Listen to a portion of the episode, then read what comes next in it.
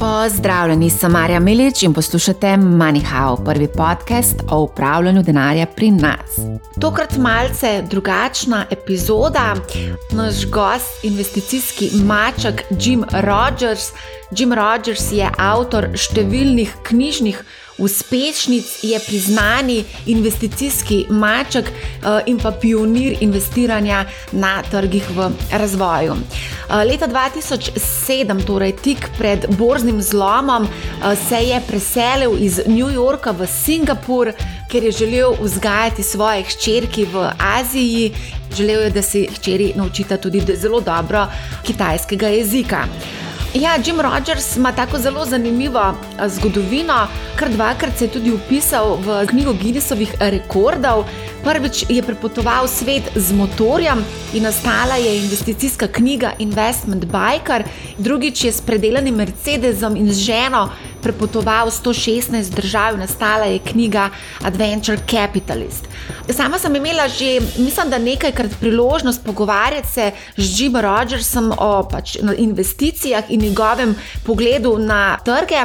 Sicer pa je tudi gost številnih priznanih poslovnih medijev in seveda danes je z nami tudi na MoneyHow. Pogovor poteka v angleškem jeziku. Mislim, da boste razumeli, če bi slučajno imeli neke težave, mi prosim, pišite, pa bom seveda tudi priložila prevod. Mogoče sem večkrat tako za uvod. Pogovarjava se o trenutnem aktualnem dogajanju na kapitalskih trgih, predstavil tudi svoj pogled na investiranje, svoj investicijski stil je tudi predstavil. Boste videli, ima zelo zanimivo strategijo, ki jo uporabljajo tudi številni kriptaši, torej strategija hodl. Zelo je nagnjen k investiranju na trge v razvoju. Tukaj je potrebna seveda previdnost in pa seveda zelo dobro poznavanje teh trgov. Veliko je nestabilnosti, veliko je nihajnosti in tukaj tudi v bistvu pojasni, zakaj je za njega ta trg v bistvu interesanten, azijski trg oziroma trgi v razvoju. Zanimiva je tudi njegova naložbena strategija, kar se tiče samih uh, surovin. Uh, tukaj vidi predvsem priložnost v agrosektorju. Uh, zanimivo se mu zdi recimo srebro pred zlatom. Izpostavi tudi nekatere druge panoge, sektorje, ki se mu zdijo zanimivi, predvsem pa se osredotoča na tisto, kar zelo dobro pozna, in to je tudi njegov nekakšen glavni nasvet vsem vlagateljem, da investirajo v tisto, kar dobro poznajo in da ne lovijo vročih zgodb. Tako, to je nekako kratek, kratek povzetek pogovora. Svetujem, da ga poslušate. Pogovor se mi zdi kar zanimiv in pa mislim, da je tak zanimiv pogled v investicijsko strategijo enega res vrhunskega uh, strokovnjaka, ki je prepoznan kot strokovnjak, kot uh, maček, borzni maček po celem svetu. Želim vam prijetno poslušanje. Yeah, we are six hours apart. So it's nine o'clock in, in the morning here. I know. Three o'clock in the afternoon here in Singapore. Yes. I think it's just the best that we just start with the show and okay? Let's go. How, how long do you want? You can have as much time as you want. How long do you want? I think about 30 minutes, something like that. That's fine. That's fine. It depends. Whatever you want. I just want to know. It actually depends on you. I don't know how you're going to answer to my questions. well, I hope I give short. I hope I give you short sound bites. Okay, great. Okay, let's start. Wait, let me ask you. Wait, wait. Before you, what year were you born? Were you born before Slovenia broke up? I was born in 79. I'm 43 years old.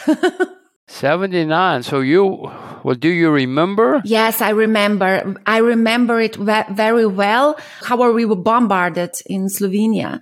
Oh, yeah, yeah, yeah. I forgot about Yeah. I was, exactly I think, right. 12 years so, old. So you remember Yugoslavia and you remember breaking up? Yes, I remember that. Yeah. I also oh remember, Oh gosh. I also remember when Tito died. Do you remember Tito? Of course, I remember Tito. No, no. I, I let's see. I first went to Yugoslavia probably in 1966. You weren't even born in 1966. I went there, and I've been there a few times since. And I remember that the coast was the most beautiful coast ride I'd ever seen at that point and I promised myself, I didn't have any money, but I promised myself someday I would come back and ride a motorcycle down that highway. and I did. Wow, I did. great, great. Yeah, I didn't see you then either, but. Uh, yeah, we have nice roads here for bikers. I'm not sure if you know Socha, long blue river. It's like really, really nice. And it's a perfect location for bikers. Everything in Slovenia is nice, including you. Do you know Melania Trump? She's also from Slovenia, from small village. Uh, Oh, it's not actually a yes. village; it's a town, Sevnica. so, I forgot. I forgot. She, but she has U.S. passport now. yeah. yes, yeah. but I, that's right. That's right. And you probably know Luka Doncic. He plays for Mavericks, uh, NBA basketball. Well, I know. I know of him. Yes, I don't. Yeah, I've I've seen mentioned. Yes. He's also Slovenian. So, well, I think you're probably the best from Slovenia. Oh, the best I know. oh, come on. You're the best I know. Oh, come on. Thank you very much. It's really nice compliment. Okay, let's start, Marja. Let's start. Um, the last time I spoke to you was probably, I'm not sure, seven or, or six years ago. So I think we have a lot of catching up to do and we should just dive into the capital markets right away. As I mentioned, Let's go. Let's go. As I mentioned in the introduction, you are a very experienced investor and you probably have seen it all. You chased bulls and you chased bears and witnessed many stock market crashes and crises. What period in time throughout your engagement with capital markets would have the most resemblance to today? On the surface, it's the 70s. That's the last time that most of the world had a big inflation, and it was caused in the 70s by too much money printing. But there are many differences, Marja. In the 70s, the United States was still a creditor nation. There was still the Soviet Union. There was still Yugoslavia. There was a Red China. You know, there were many, many differences then and now. Uh, but I would say, on the surface anyway, it's somewhat similar, given that a lot of money printing led to a lot of inflation. You often traveling back in time, you remember things from the past. The one question I get from our y- younger listeners is whether I remember the first stock I bought. Do you remember the first stock you bought and when did, did it happen? Well, I do remember the first stock I bought. I was about 13 or 4. It was probably 1955 or so, uh, 56. And I bought it. I worked for a, a grocery store, and the owner of the grocery store said that I should buy shares in this insurance company, which I did. I didn't know anything about it. I didn't know what shares were. I didn't know anything. But he was, you know, older and richer and smarter. So I did it on his say so. I'm sorry, I didn't get the name of the insurance company. I don't remember the name of the insurance company either. I mean, I sold it 15 or 20 years later uh, at a at a small profit, but I don't remember anything about it. Um, how would you describe your investment style? First of all, I will tell you my style, but everybody has to find their own style. My style, uh, I try to find things that are cheap, and usually, if they're cheap, they're cheap because they're ignored and people don't care about them. But if I can find something that's cheap, where there's positive change taking place, then I might have a lot of success. And what is your investment horizon? And what asset classes do you hold and how do you approach asset allocation? Well, I like to buy things that I never have to sell. You know, I'm lazy, and it's uh, if I can buy something that's going to change for many years, positive change for many years. That's what I like best of all because in that way you can make a lot of money. I mean, China, for instance, China started changing few decades ago. I plan to own my Chinese shares forever. I want my children to own my Chinese shares forever.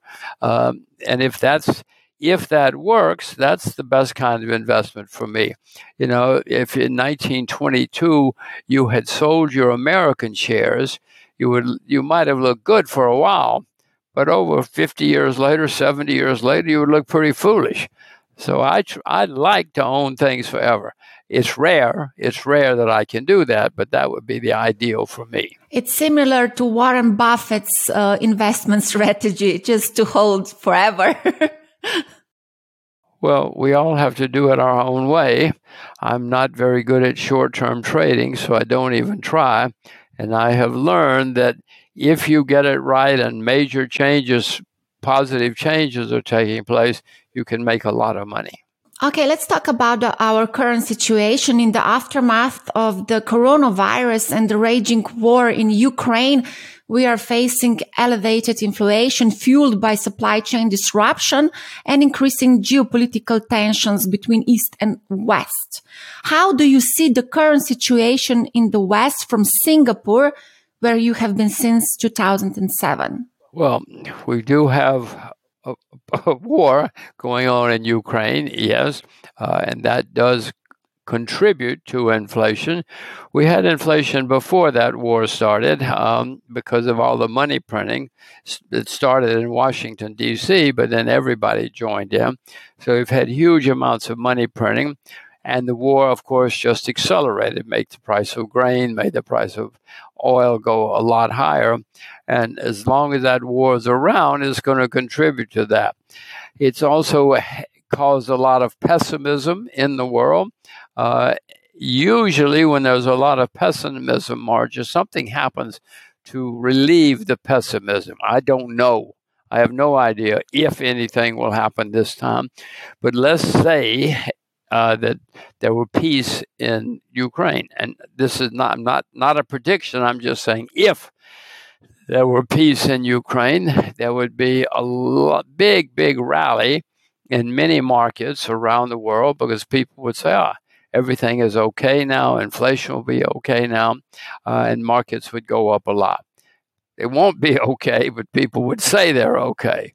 So, because of all this pessimism now, I am looking for something will co- which will come along and cause a big rally. I don't know if it will happen. Mm-hmm. In your last interview for Forex Daily, you predicted that high inflation will be with us longer than expected and that we should buy some sugar. Why sugar specifically and what instrument do you use to get exposure to sugar? Well, I just use sugar as an example because agriculture has been such a terrible place to be for a long, long time. Agriculture worldwide has been depressed for decades.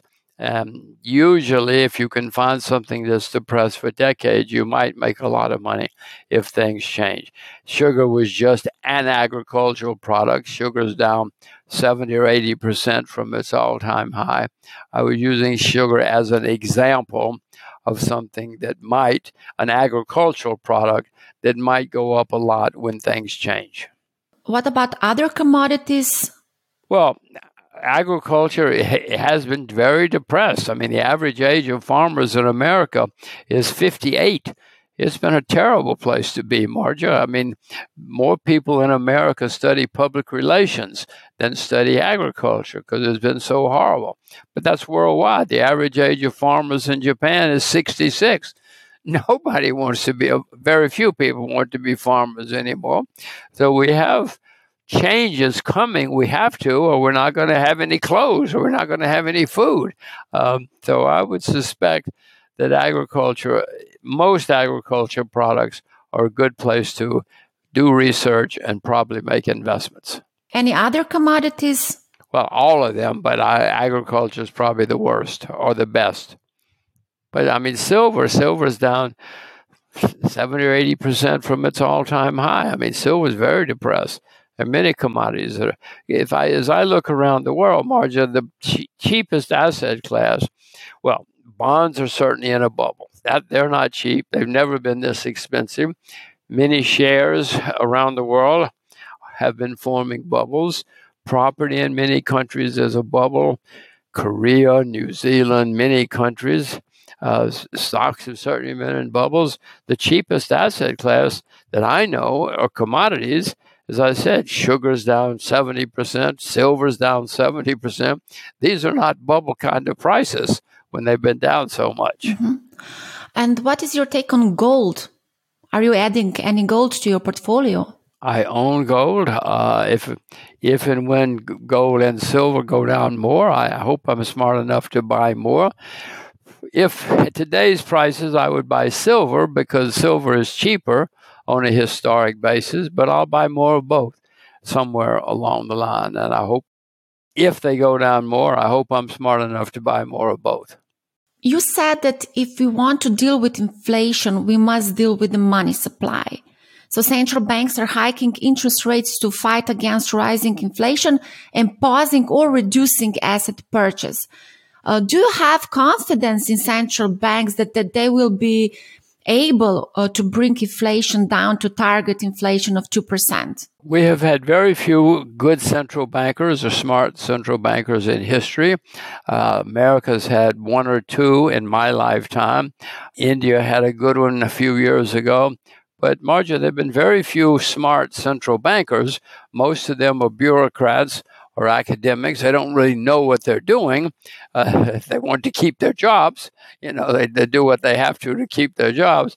But very few of them really understand how the world works.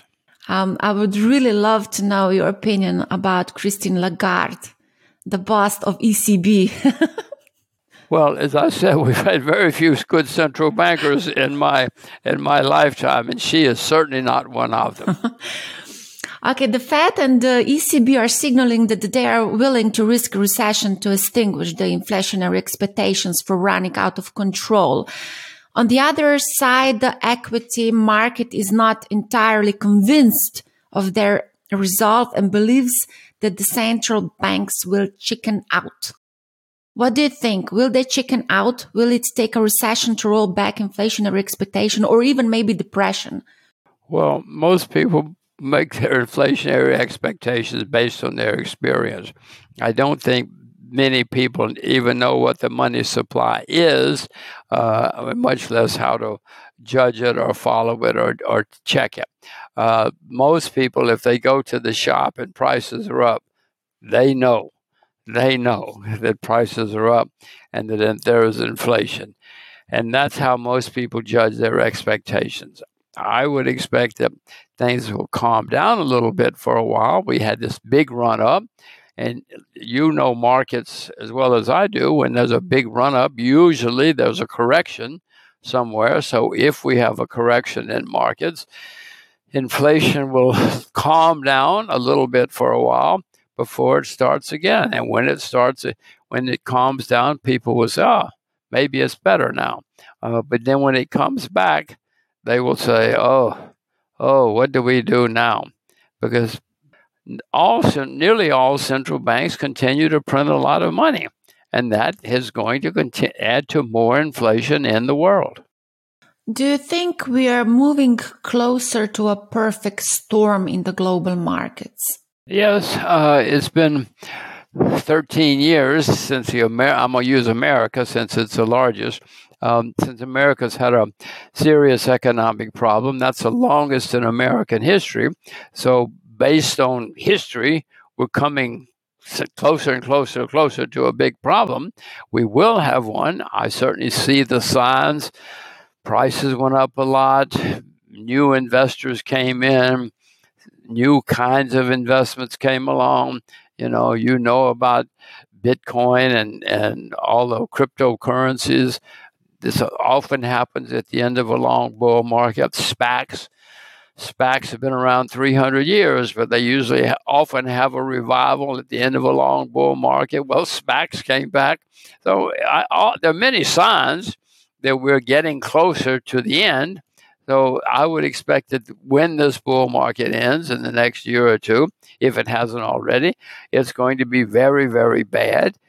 We had a serious bear market or problem in 2008 and 2009 because of too much debt.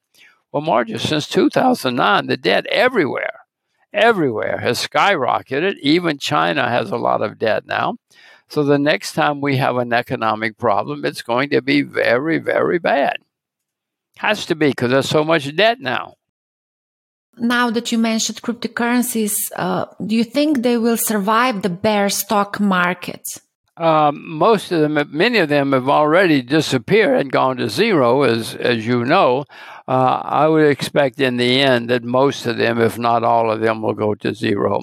Uh, I don't see a purpose I mean, trading vehicles, yes. And there are certainly people, smart people, who are trading them successfully. But I don't see the purpose of cryptocurrencies other than trading vehicles. And if they're just trading vehicles, fine. Who cares? Let them do it. Let them play.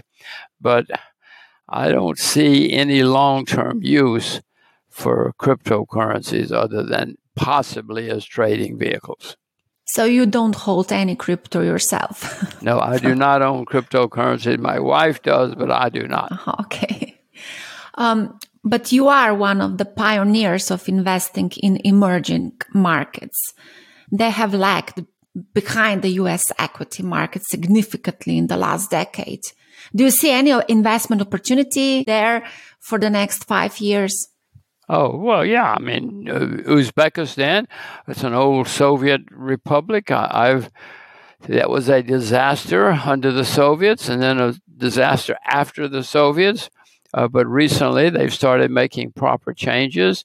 They're starting to run the country the way I would run the country. So I've started making small investments in Uzbekistan. It's certainly an emerging market. Most people couldn't find Uzbekistan on a map.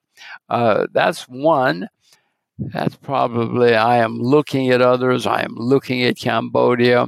But, you know, most, since the US and Japanese and the big markets usually set the tone, I'm not in any rush because I expect big problems some um, in the next year or two in the major markets.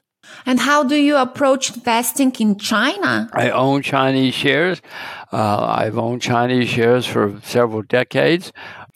My plan is for my children to own my Chinese shares someday, because I expect China to be a very successful country in this in this century. If if I had sold my American shares in 1922, I might have looked smart for a while, but 50 years later, I'd look pretty foolish. That's my view of China. There will be bear markets in China. There will be many problems. In America, we had many, we had depressions, we had bear markets, we had a civil war, we had massacres in the streets, we had many problems. But America became very successful. That is my view of China. And what do you think about everything that happened? Uh, you know, the Chinese Communist Party, Iron Fist actually uh, strike down the industries and discipline entrepreneurs in China? Well, there has been a property bubble in China for several years. The government has been talking about stopping it for quite some time. They never were successful in stopping the bubble. Now, the bubble is popping, whether it's the government or the market or whatever. Uh, and I would expect that to continue.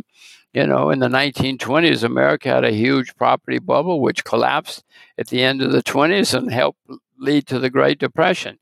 So China has a property bubble, a very serious property bubble that is now popping. Uh, and I suspect it will add to many more problems in China in the next few years.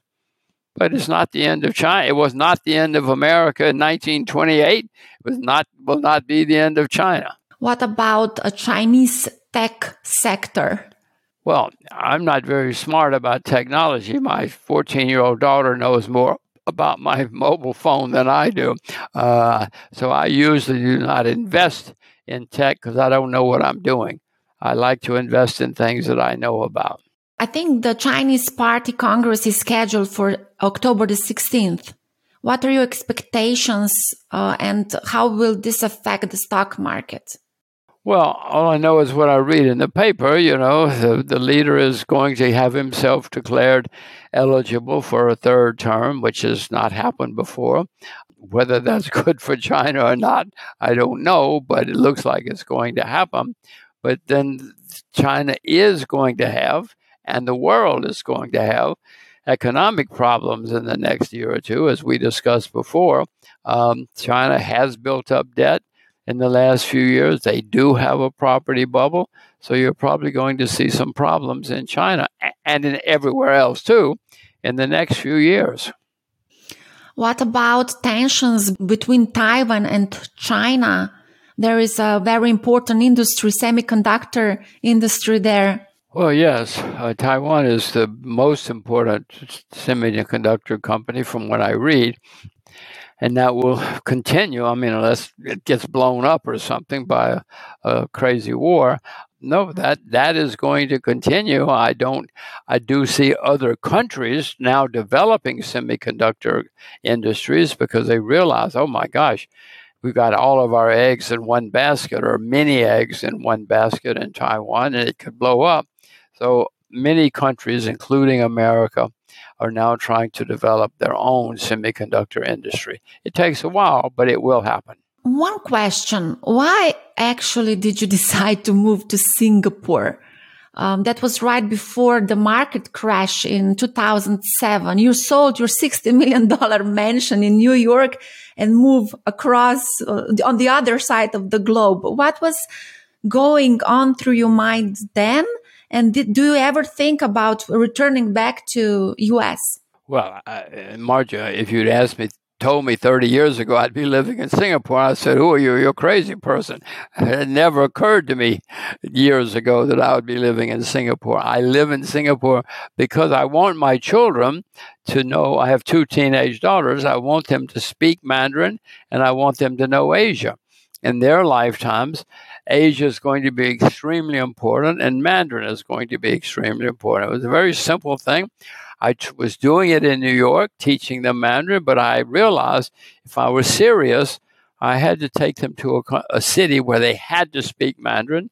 And so here we are. It's many. so my, you know, many parents do strange things. They move to a place with a good football coach or a good band conductor. I moved here so my children would speak Mandarin and they would know Asia. And it, it has worked so far. Yeah, and this is one of um, um, lessons that you wrote in your book, A Gift to My Children. And many of my European colleagues have actually trouble understanding some of the lessons. One of uh, example that of that is that kids should learn Mandarin. Do you think um, our children in the West also at advantage if they know Mandarin? Well, yes, because you know there are billion, four hundred million people in China, and many more in the world who speak Mandarin. And if China does continue to become the most important or one of the most important countries in the world, anyone who speaks Mandarin will have an advantage over the people who don't so uh, I still see no reason to change that. I told you, certainly China will have problems along the way, just as America had problems along the way. But in my view, I don't see another language, and I still see Mandarin as being extremely useful in their lifetimes. This book, A Gift to My Children, was originally published in 2009. How many bits of advice from the book withstood the test of time? Well, that one certainly, well, we'll know. I mean, 300 years from now, Mandarin may not be so important uh, as it is now. But, you know, uh, China is the only country in world history that's been on top the three or four times. Rome was great once, Egypt was great once, Britain was great once, but China's been great three or four times. They've collapsed three or four times, but they're the only country that collapses and then rises to the top again.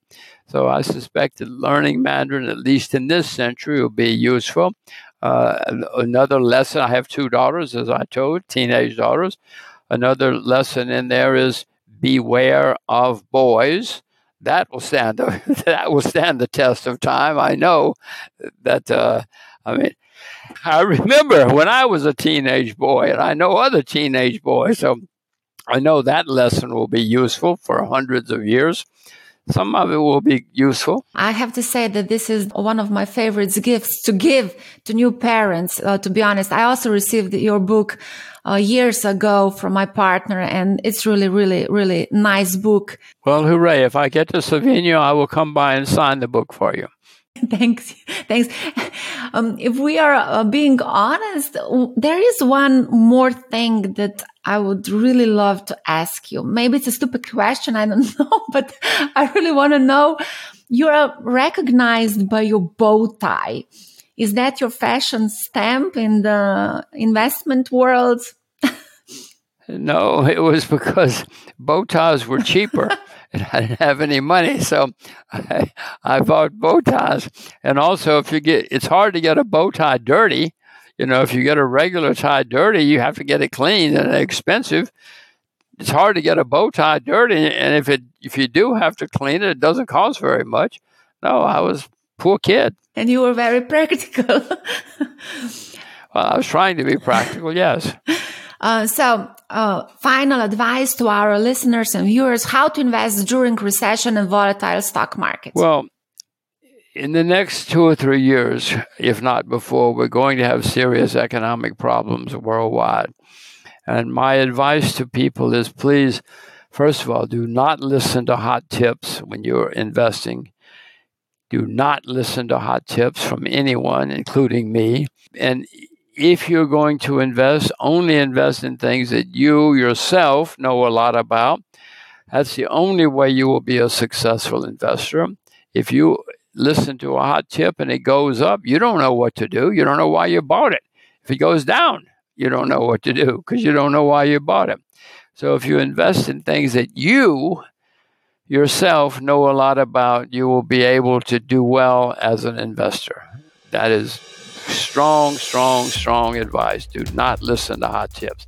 Maybe if you get a hot tip from Marja, oh. but otherwise, do not listen to hot tips. I agree with you completely. Mr. Rogers, thank you for your excellent advice, and it was an honor to have you as a guest on our show. Thank you. Well, thank you, Marja. I do hope I get back to Slovenia. I haven't been there in many years, and if I do, I will sign your books. thank you very much. Have a nice day in Singapore.